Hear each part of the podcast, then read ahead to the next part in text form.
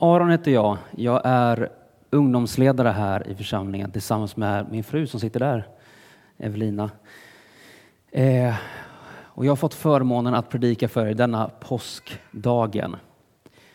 Att ge en ungdomsledare uppgiften att predika på självaste påskdagen känns, jag vet inte vad man ska kalla det här. Det känns lite risky känner jag.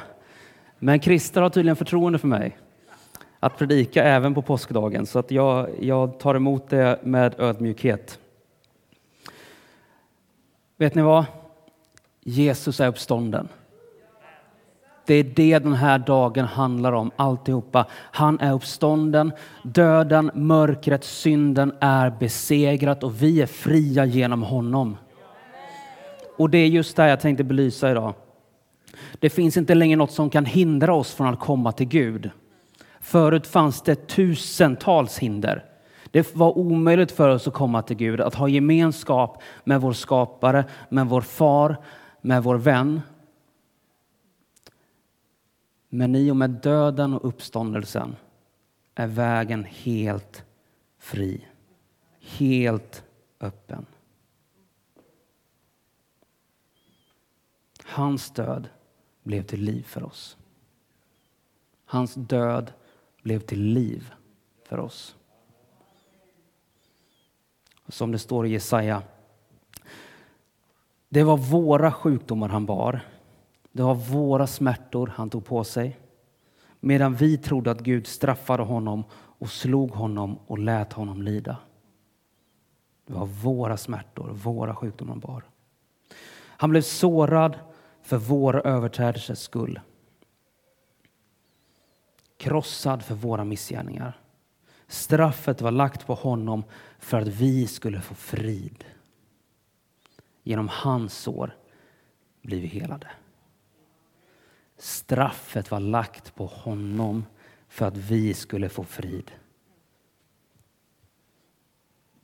Alltså straffet, istället för att vi, alltså för vår skull, för att vi skulle få frid, så la Gud straffet på honom, på sig själv för att du och jag ska få fri. Och vad har vi gjort för att förtjäna det egentligen? Ingenting. Vi har inte gjort någonting för att förtjäna hans kärlek, för att förtjäna hans frid. Men han valde oss ändå. Han valde dig och mig, även fast du kanske ännu inte har valt honom eller har relation med honom, så har han valt dig från innan du föddes. För att du skulle få frid. För att du skulle få fred på insidan.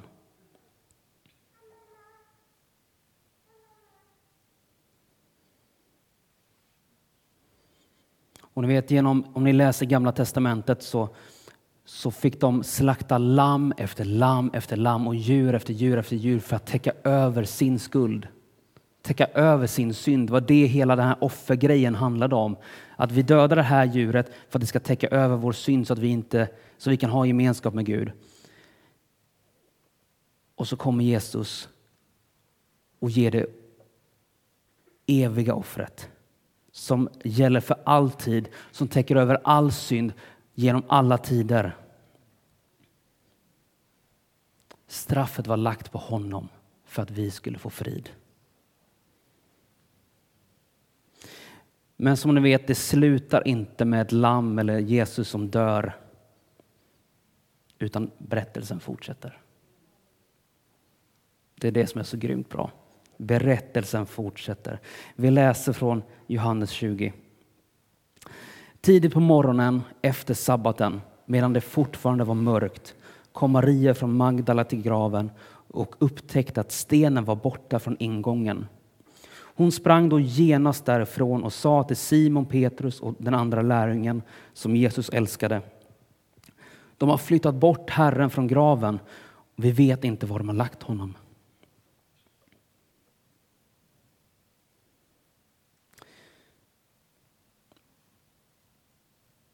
Petrus och den andra lärjungen gav sig iväg till graven. Båda sprang, men den andra lärjungen sprang fortare än Petrus och kom dit först. Han böjde sig ner, tittade in och såg linnesvepningen ligga där, men han gick inte in.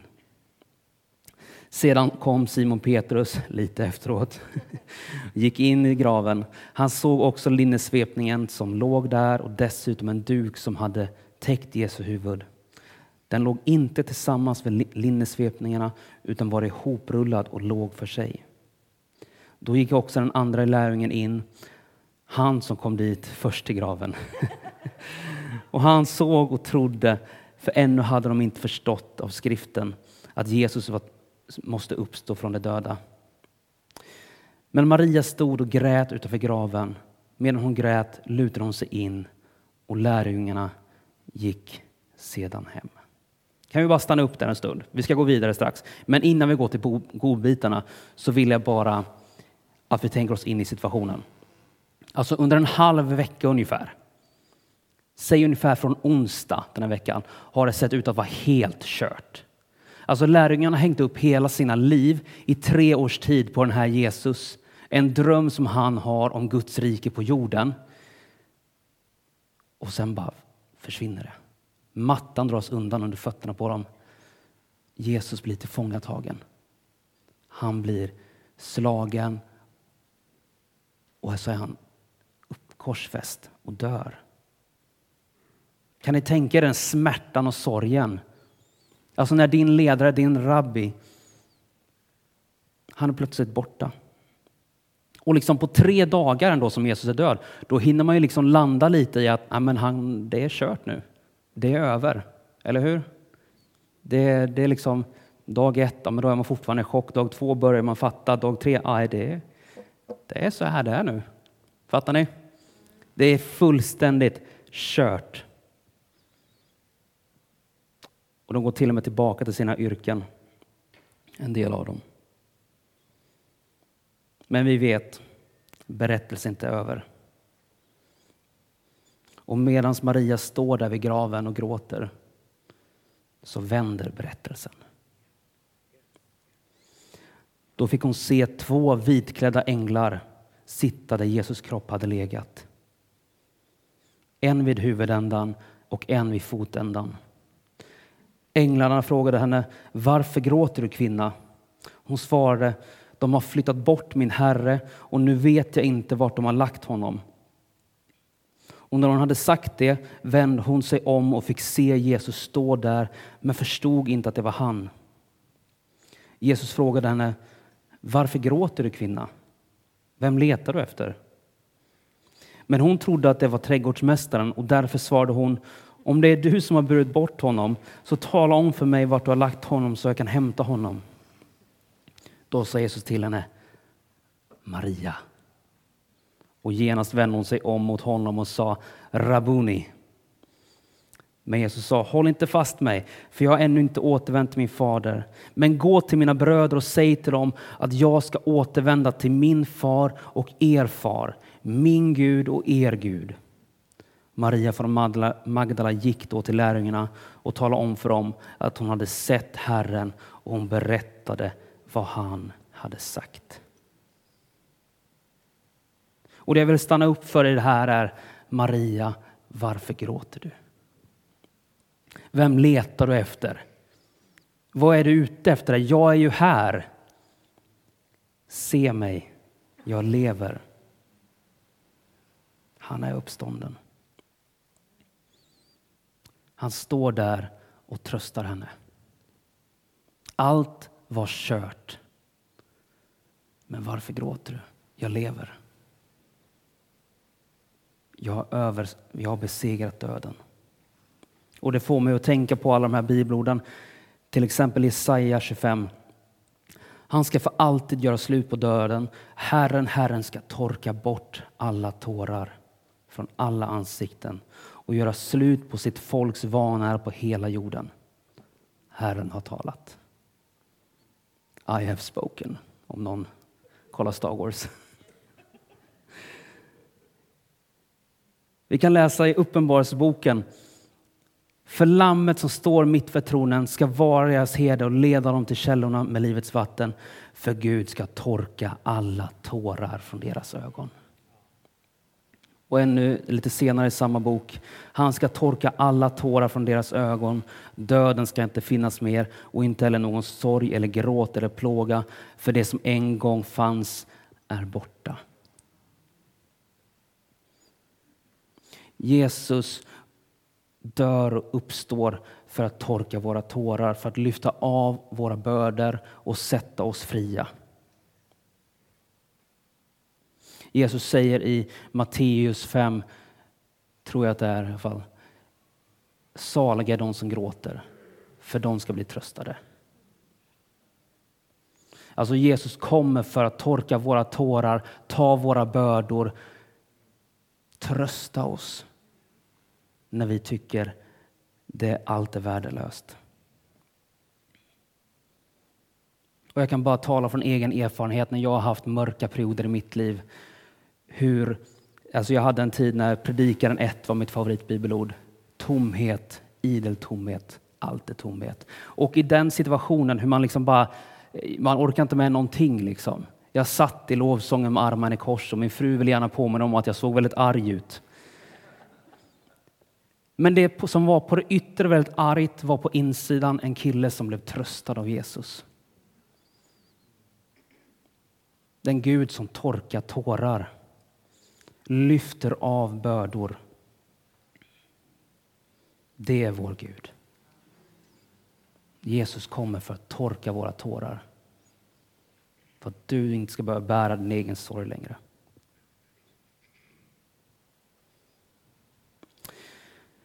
I fredags så hade vi långfredagsgudstjänst här och Christer predikade en otroligt bra predikan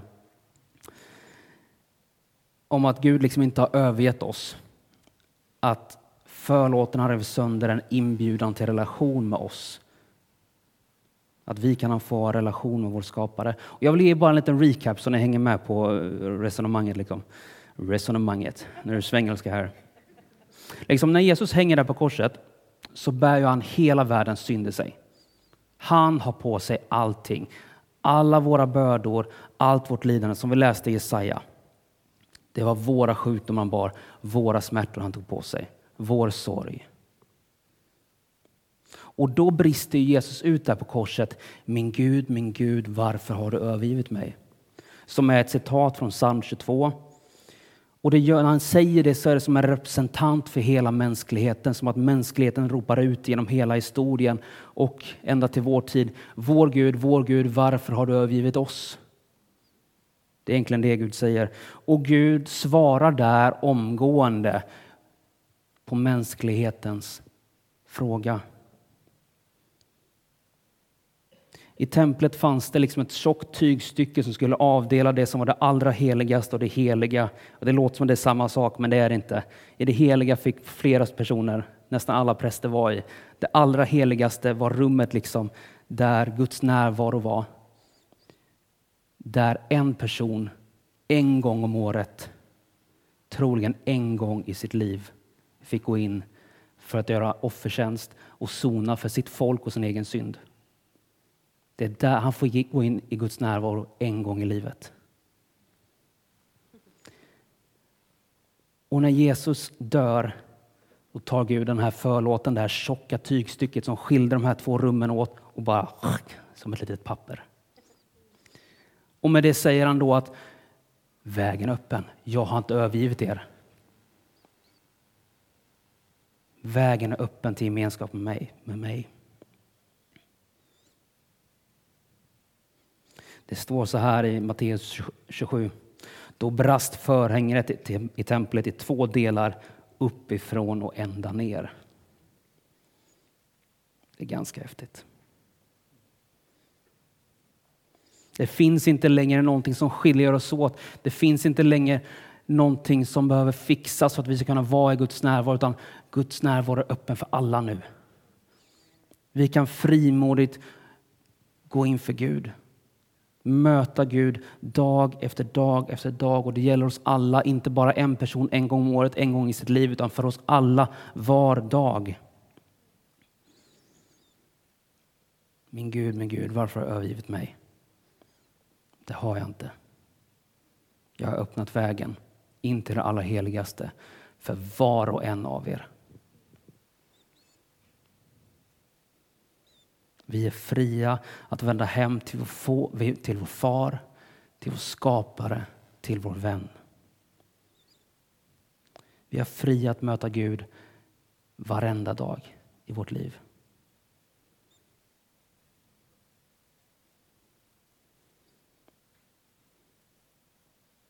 Han säger i sitt ord. Jag ska aldrig överge dig eller svika dig. Och genom att riva sönder förhänget, vägen till allra heligaste, så finns det en väg för oss att möta Gud. Det är inga mer offer som behövs, utan offret med stort O och bestämd artikel är givet. Det är evigt, det är för alltid.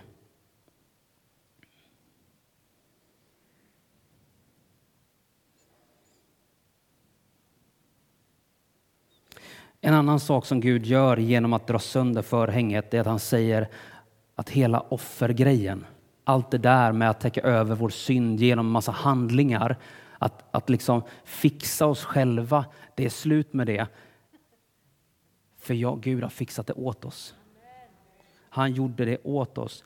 Vi behöver inte längre offra djur, djur eller rökelse för att täcka över vår synd, utan vi kan offra oss själva och vår lovsång utifrån tacksamhet. Och Det behövs inte för att vi ska kunna ha gemenskap med Gud, utan det är för att vi har gemenskap med Gud som vi får offra den, våra liv och vår lovsång. Vi behöver inte längre göra några gärningar för att förtjäna syndernas förlåtelse. Vi behöver bara ge upp vår kontroll och vårt ego och erkänna att jag inte är tillräckligt bra i mig själv, utan jag behöver en frälsare, någon som har varit perfekt åt mig. Matteus kapitel 5 säger Saliga är de fattiga i anden, för de tillhör himmelriket. Och Det kanske låter lite märkligt, men liksom, den som är fattig i anden är den som inser att jag inte är tillräckligt bra i mig själv, utan jag behöver en frälsare.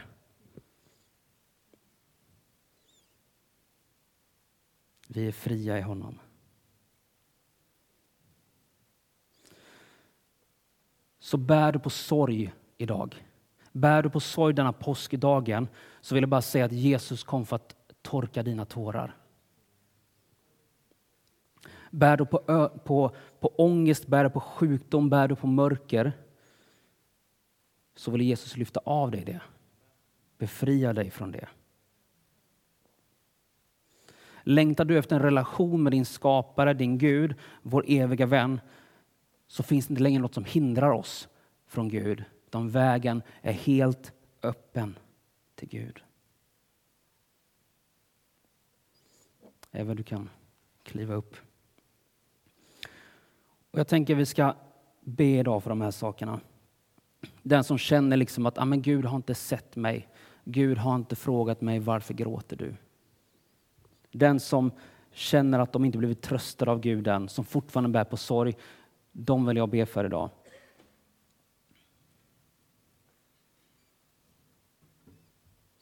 Så vi gör så här om alla blundar i respekt för varandra.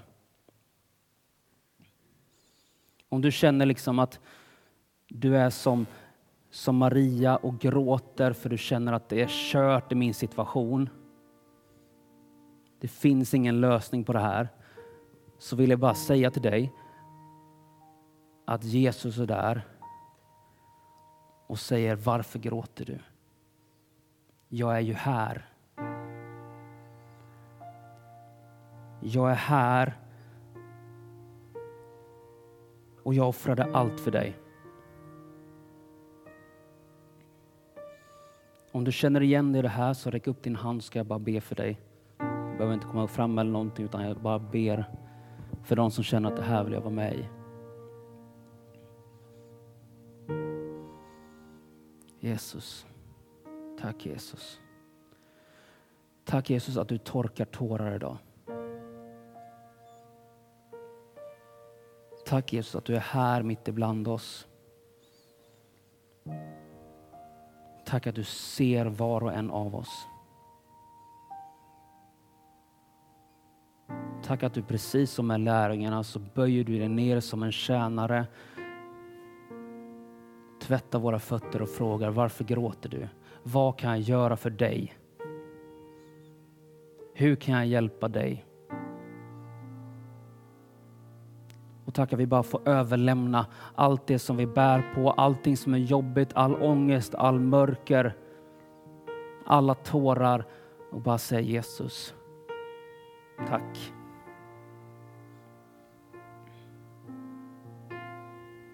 Tack att du torkar våra tårar. Tack att vi inte längre behöver bära vår sorg själva, utan du har tagit det på dig.